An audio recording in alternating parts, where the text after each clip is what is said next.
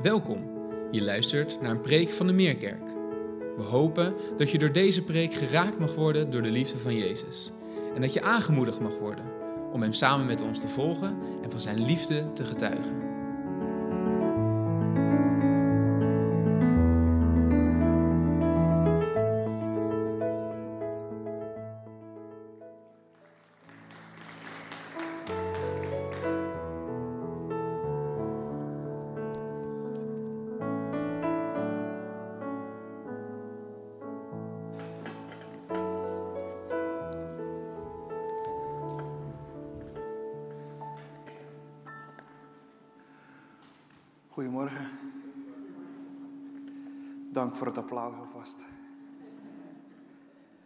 We gaan de komende drie weken een brief lezen.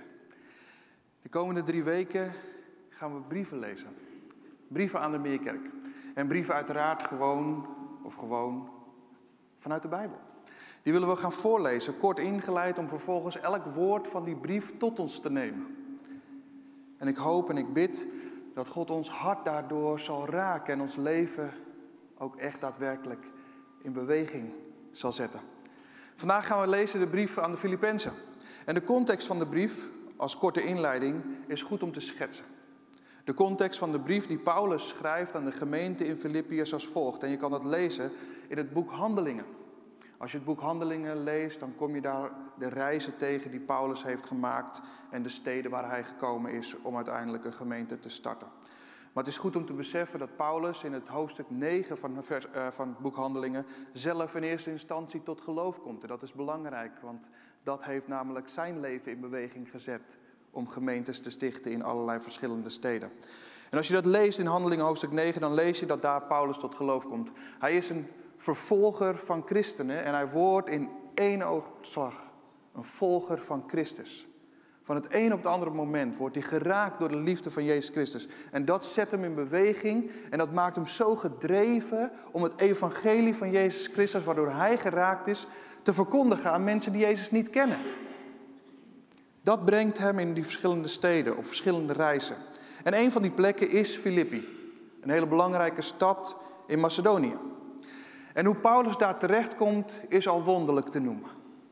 Paulus krijgt op een goed moment een visioen, een droom in de nacht.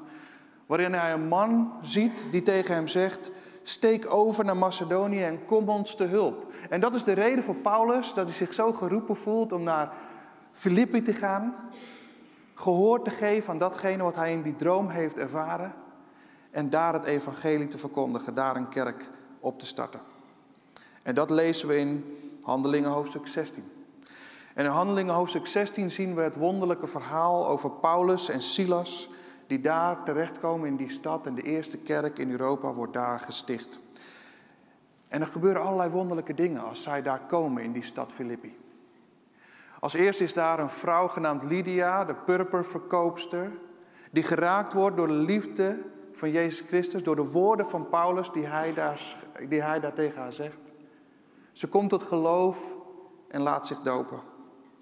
Dan is daar die jonge slavin. De jonge slavin die de toekomst kan voorspellen. En Paulus en Silas bevrijden haar van de geest die de toekomst kan voorspellen. En haar eigenaars die denken dan ineens, oh, we zien ons inkomen gewoon verdampen. En dat zorgt ervoor dat Paulus en Silas, door het goede wat ze hebben gedaan bij de jonge slavin, zorgt ervoor dat ze in de gevangenis terechtkomen. En in de gevangenis worden ze naakt opgesloten in de binnenste kerker. Hun voeten in een blok. Met stokslagen. Geslagen. Gemarteld. En zo eindigen Paulus en Silas daar in de gevangenis. En hun eerste reactie na stokslagen, martelingen, voet in het blok, de binnenste kerker. Hun eerste reactie is: laten we bidden en God lofliederen toezingen. Ik weet niet hoe het bij jullie is, maar voor mij is dat nou niet echt de situatie voor het ontstaan van het kinderliedje Blij, blij, mijn hartje is zo blij. En toch, toch, er gebeurt iets wonderlijks wanneer zij zingen en de vreugde vinden in de Heer, dwars door al hun ellende heen. Het gevolg is namelijk dat de aarde begint te schudden op haar grondvesten. De hele gevangenis trilt en de deuren springen open en bij iedereen schieten de boeien los. Het resultaat van de vreugde die de situatie overstijgt. Stel jezelf toch voor, je krijgt een visioen. God roept je ergens voor. Je bent gehoorzaam en je belandt vervolgens in de gevangenis. De menselijke reactie zou zijn, denk ik, eerder, waar is God nu dan? Ik ben toch gehoorzaam? Ik doe toch wat Hij van me vraagt? En dan is dit het resultaat? In de gevangenis terechtkomen. Maar Paulus en Silas, de vreugde overstijgt hun situatie. En als de gevangenisdeuren openspringen en bij iedereen de boeien losspringen, dan is daar die gevangenbewaarder. Die gevangenbewaarder die de opdracht heeft gekregen om Paulus en Silas heel streng te bewaken. Maar hij heeft gefaald. Want het wonder was daar dat ervoor zorgde dat de deuren open gingen en de boeien losgingen. En hij voelde dat hij zich had gefaald in de opdracht die hij had gekregen. En het enige wat hij kon doen, uit angst voor de gevolgen, was een einde maken aan zijn eigen leven. Maar dan houdt Paulus dat tegen. En Paulus zegt dat hoeft niet. En de reactie van die gevangenbewaarde uit de wanhoop is: Maar wat moet ik dan doen om gered te worden? Vertel het me alsjeblieft. En Paulus' antwoord is simpel: Geloof in de Heer en je zult gered worden. En daar op dat moment komt ook die gevangenbewaarder tot geloof. En ook hij laat zich net als Lydia, die purperverkoopster, dopen. Nou, stel jezelf voor. Stel jezelf voor dat jij getuige bent geweest van dit godswonder. Sterker nog, je bent deel geweest van dit godswonder. Dan kan het toch niet zo zijn dat je dat ooit in je leven nog gaat vergeten. Dit godswonder. Of toch? Of toch? Misschien kan het zijn bij ons, net als bij hen, dat op den duur je toch weer gegrepen wordt door het leven nadat je geraakt bent door Gods liefde. Deze gevangenis stond in de stad Filippi. En Paulus die stuurt ongeveer tien jaar later, na dit godswonder, na deze mensen die daar tot geloof zijn gekomen, na, de, na het ontstaan van die eerste kerk in Filippi, ongeveer tien jaar daarna stuurt hij weer vanuit de gevangenis, notabene, een brief naar die gemeente, naar die kerk in die stad. En het hoofdthema, en Trea noemde het al, van die hele brief aan de Filippenzen is vreugde. Alsof ze zijn vergeten wat vreugde teweeg heeft gebracht tien jaar eerder. Weet je, wonderen, hoe mooi ze ook zijn, wonderen vormen niet de wortels van je geloof. Het is het water dat komt uit de bron van Jezus Christus zelf, dat de wortels geeft van ons geloof. Dus ik zou zeggen, blijf dicht bij die bron ongeacht de situatie. Ik wil die brief in zijn geheel lezen. Dat is eigenlijk de preek. We gaan die brief in zijn geheel lezen. Het zijn vier hoofdstukken. En ik hoop en ik bid dat we herinnerd zullen worden zoals wij hier zitten. Dat wij ook herinnerd zullen worden aan wie Jezus is. Aan wat Hij heeft gedaan. Aan hoeveel Hij van jou houdt. En het feit dat Hij niet loslaat wat zijn hand begonnen is. Ook niet bij jou. En misschien hoor je wel deze woorden uit de brief van Filippenzen voor het eerst. Dan bid ik dat je mag ontdekken dat de rust en de vrede die ons verstand te boven gaat, te vinden is in die Jezus Christus. Dat je zal ontdekken dat je tegen alles bestand bent. Door Jezus Christus die je de kracht geeft om alles te kunnen opvangen. En ik bid dan ook vandaag dat we door het lezen van deze brief, dat we zullen vergeten wat achter ons ligt, om ons te kunnen richten op wat voor ons ligt en recht op het doel af te gaan waar God ons voor geroepen heeft. Ik weet niet wat jou het beste, wat voor jou het beste is. Misschien wil je wel je ogen sluiten, wil je gewoon helemaal relax zitten, ontspannen, om de woorden te horen. Misschien heb je zelf je Bijbel meegenomen en wil je meelezen. Het maakt allemaal niet uit. Eén ding hoop ik, dat je je hart zult openen voor zelf. En dat we in het komende kwartier, want zo kort is het maar om de hele brief van de Filippenzen te lezen, dat je in het komende kwartier geraakt mag worden door Gods woorden, ook voor jou. Paulus schrijft aan de gelovigen in de stad Filippi en hun voorgangers en diakenen. Wij wensen u de genade en de vrede toe van God onze Vader en van de Heer Jezus Christus. Telkens als ik aan u denk, dan dank ik God, zegt Paulus. Als ik voor u bid, is mijn hart vol vreugde over de geweldige medewerking die u hebt gegeven aan de bekendmaking van het goede nieuws. Vanaf de dag dat u dat voor het eerst gehoord heeft, tot nu toe. Ik ben ervan overtuigd, ik ben er zeker van dat God op de grote dag van Jezus Christus het goede werk dat Hij in u begonnen is, ook zal voltooien. Het spreekt eigenlijk vanzelf dat ik zo over u denk, want u hebt een bijzondere plaats in mijn hart. Immers of ik nu gevangen zit of in vrijheid het geloof in Jezus Christus verdedig en verkondig, u deelt mee in de genade die God mij bewijst. God weet hoe ik naar u verlang met de liefde van Jezus Christus. En ik bid dat u meer en meer van die liefde zult overvloeien, zodat u een diep geloof en inzicht in de dingen van God zult krijgen. Ik wil dat u scherp het verschil tussen goed en kwaad zult zien. Dan zult u op de dag van Jezus Christus zuiver zijn, zonder dat er op u iets is aan te merken. Uit heel uw doen en laten zou moeten blijken dat God door Jezus Christus het goed heeft gemaakt tussen u en Hem. Daarvoor zal Hij geëerd en geprezen worden. Het volgende wil ik u graag laten weten, beste broeders. Alles wat mij hier is overkomen, heeft ertoe bijgedragen dat het goede nieuws over Jezus Christus beter bekend werd. Allen hier, ook de soldaten, weten dat ik ter wille van Christus gevangen zit. En door mijn gevangenschap lijken heel veel andere christenen hier hun vrees voor de boeien te hebben overwonnen. Op de een of andere manier heeft mijn geduld hen bemoedigd. Met het gevolg dat zij steeds vrijmoediger over Jezus Christus spreken. Sommigen hier maken het goede nieuws over Jezus Christus bekend omdat ze jaloers zijn op de manier waarop God mij hier heeft gebruikt. Gelukkig zijn er ook anderen die het met de juiste motieven doen. Die anderen doen het uit liefde. Zij weten dat ik door God geroepen ben om hier het geloof van Jezus Christus te verdedigen. Maar de eerste die ik noemde spreken over Hem in de hoop mij jaloers te maken. Zij hopen dat hun succes mijn gevangenschap nog zwaarder maakt. Maar wat dan nog?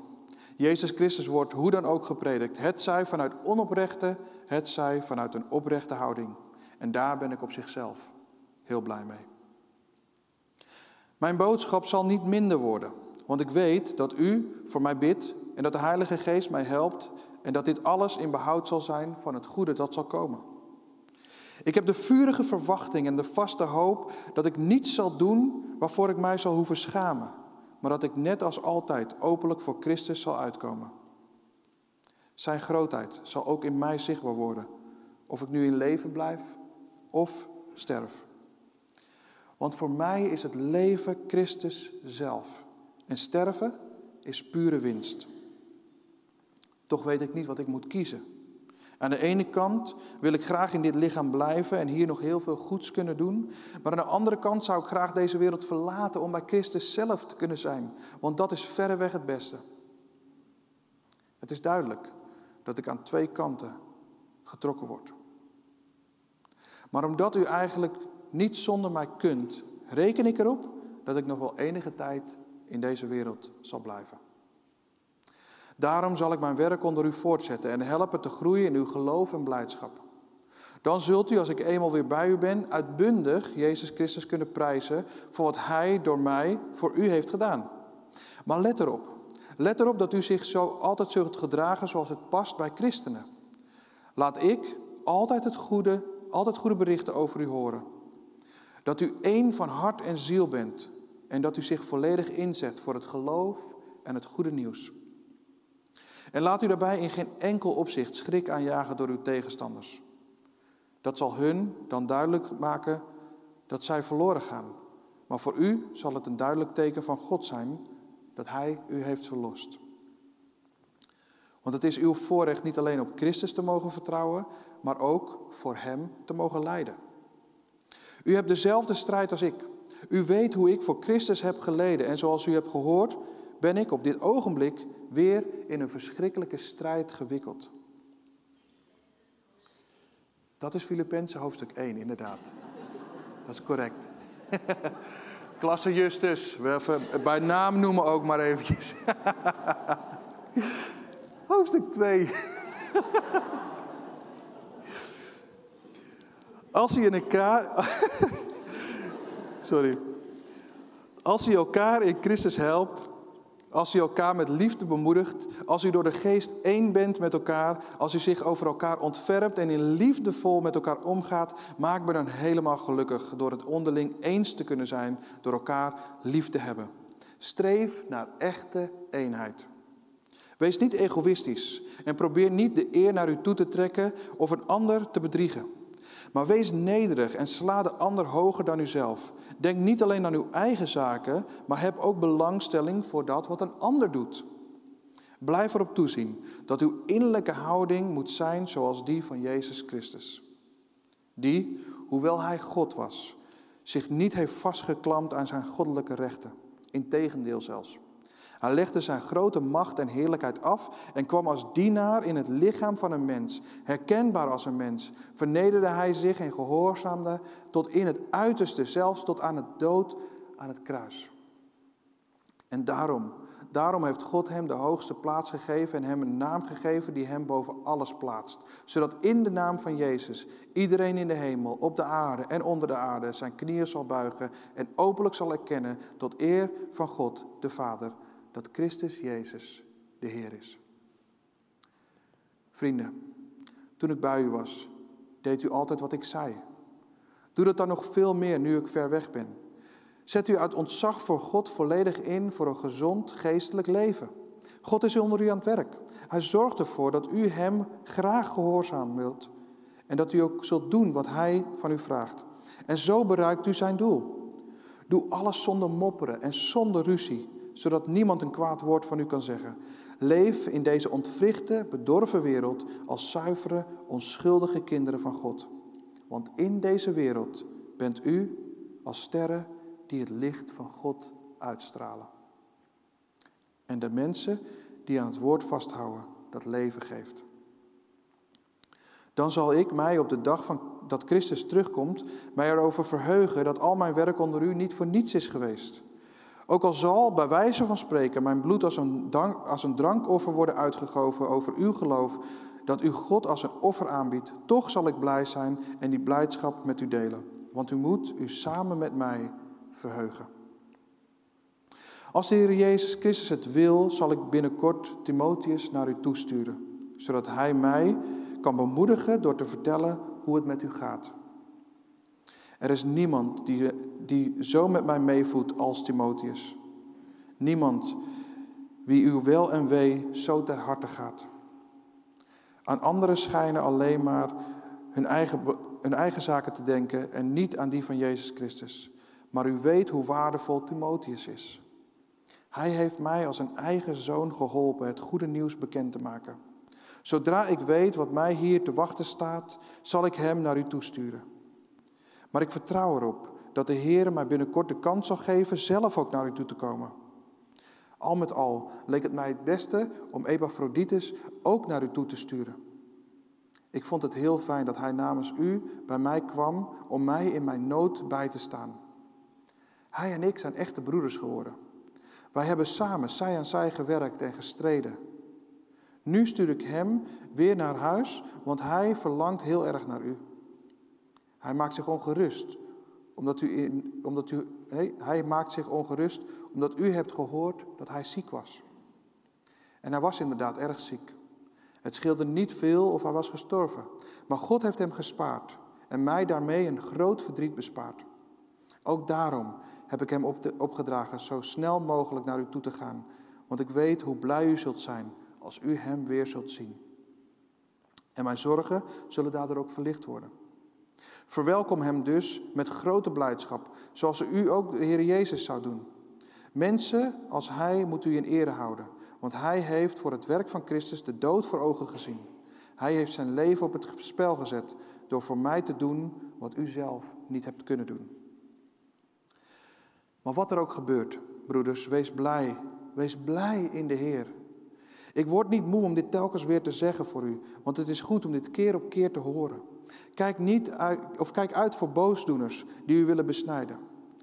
Want door dat snijden in uw lichaam maakt u het echt niet in orde met God. Waar het om gaat, is dat wij God door de Heilige Geest aanbidden. Dan pas zijn we besneden. Wij beroemen ons op wat Christus voor ons heeft gedaan. Als iemand op zijn afstamming en inspanning kon vertrouwen, was ik het wel.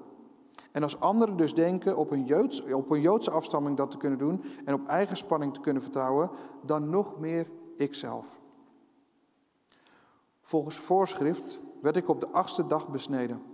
Ik ben een ras-echte Jood uit de stam Benjamin, een echte Hebreeër. Wat het naleven van de Joodse wetten betreft, behoorde ik tot de Fariseërs. Ik was zo fanatiek dat ik de christenen probeerde uit te roeien. Ik week zelfs op geen enkel punt van de wetten af en was er in dat opzicht dan ook niets op mij op aan te merken. Maar al deze dingen, al deze dingen waar ik vroeger zo ontzettend veel waarde aan hechtte, zijn voor mij waardeloos geworden, omdat ze mij afhielden van Christus. Echt, ik beschouw zelfs alles als waardeloos, omdat niets mij meer waarde kan geven dan het kennen van Jezus Christus. Ik heb alles als vuilnis weggegooid om Christus te kunnen ontvangen en één met Hem te zijn. Ik reken er niet meer op dat ik het door het houden van allerlei wetten met God in orde kan maken. Nee, ik vertrouw erop. Ik vertrouw nu op Christus. Hij maakt het goed tussen ons en God, als wij maar in Hem geloven. Het enige wat ik wil is Christus kennen en ervaren hoe groot de kracht is waarvoor hij, waardoor Hij uit de dood is opgestaan. Ik wil ervaren wat het betekent om met Hem te lijden en te sterven, om uiteindelijk ook zelf die opstanding uit de dood te ervaren. En daarmee zeg ik niet dat ik, al, dat ik er al ben of dat ik volmaakt ben, maar wel dat ik met een doel voor ogen blijf doorgaan. Die volmaaktheid probeer ik te grijpen, waarvoor ook Christus mij gegrepen heeft. En ik denk niet dat ik daar al in ben geslaagd, broeders, maar ik weet één ding zeker. En daarbij vergeet ik wat achter me ligt en strek ik me uit naar wat voor me ligt. Ik snel recht op mijn doel af. Ik wil de prijs behalen die, nu God mij door Christus Jezus geroepen heeft, in de hemel voor me klaar ligt. Ik hoop dat alle gelouterde christenen onder u het daarover eens zijn. Mocht u wat een minder belangrijk punt betreft onenig zijn, dan zal God het ook wel duidelijk maken. Alleen laten wij in ons gedrag wel consequent doorgaan op de ingeslagen weg. Broeders, volg mijn voorbeeld en let goed op hen die dat al doen. Want wat ik al heb gezegd onder tranen, wat ik al vaak heb gezegd, zeg ik nu onder tranen. Er zijn velen die zogenaamd als christenen leven, maar die in feite vijanden zijn van het kruis van Christus. Zij gaan hun ondergang tegemoet hun buik is hun God en hoe schandaliger zij leven, hoe mooier zij het vinden. Het, zijn de woord, het enige waaraan zij denken zijn de dingen van deze wereld. Waar zij echter, al wonen wij nog hier op aarde, burgers van een stad in de hemel, van waar wij ook onze Verlosser verwachten, de Heer Jezus Christus. Door de onbeperkte kracht waarmee Hij alles aan zich onderwerpt, zal hij ons sterfelijk lichaam veranderen in een hemels lichaam, dat net zo sterk en schitterend is als de zijne. Broeders, blijf standvastig in de Heer. Ik verlang erg naar u, omdat u een speciale plaats in mijn hart heeft. Ik heb mijn, u bent mijn vreugde en de kroon op mijn werk. Euodia en Sintige vraag ik eens te worden in de Heer. Aan u mijn toegewijde reisgenoot, vraag ik hen te helpen. Deze vrouwen hebben zich immers met mij ingespannen om het goede nieuws bekend te maken. Net als Clemens en andere medewerkers, van wie de namen staan opgeschreven in het boek van het leven. Wees blij in de Heer. Ik zeg u het nog eens.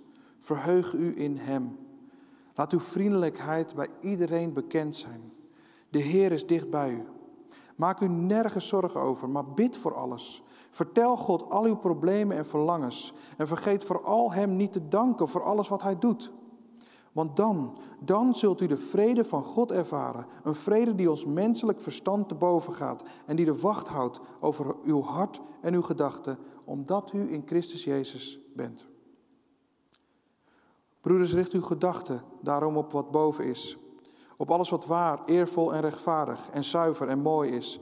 En wat goed bekend staat. Kortom, alles wat deugzaam en loffelijk is. Breng niet alleen in de praktijk wat u van mij geleerd hebt, maar ook van wat u van mij gehoord en gezien hebt. Dan zal de God van de vrede bij u zijn. Ik ben erg blij en dankbaar dat u mij weer hebt geholpen. U was al een hele tijd bezorgd, maar kreeg steeds de kans niet om iets te doen. Ik zeg dit niet omdat ik iets tekort kom, want ik heb geleerd onder alle omstandigheden tevreden te zijn met wat ik heb, of het nu veel is of weinig. Ik weet uit ervaring wat het is om te leven in gebrek en in overvloed. Ik ben met allerlei omstandigheden vertrouwd, zowel met verzadigd zijn als met honger lijden, zowel met meer dan voldoende te hebben als gebrek te lijden. Ik ben in staat alles te doen door Christus, die mij daarvoor de kracht geeft. Hoe dan ook, het is goed dat u de druk waaronder ik leef hebt verlicht. Beste Filippenzen, u weet immers nog hoe goed dat in het begin van mijn werk de verbreiding van het goede nieuws u de enige gemeente was die mij geregeld een gift stuurde vanuit uw streek, Macedonië. Zelfs toen ik in Thessalonica was, hebt u mij twee keer iets gestuurd om mij te helpen. Nu gaat het mij niet om de gift op zich, maar wel om het goede werk waardoor uw hemelse beloning steeds groter wordt. Ik heb de hele gift ontvangen en heb momenteel meer dan voldoende. Voorlopig kom ik niets tekort, nu Epaphroditus mij uw gave heeft overhandigd. Zij zijn een heerlijk geurend offer, aangenaam voor God. Maar God zal uit, uw rijk, zal uit zijn rijkdom in Christus Jezus u alles geven wat u nodig hebt. En daarom, alle eer is voor God, onze Vader, voor altijd en eeuwig. Amen. Fijn dat je hebt geluisterd. Voor meer informatie ga naar www.meerkerk.nl.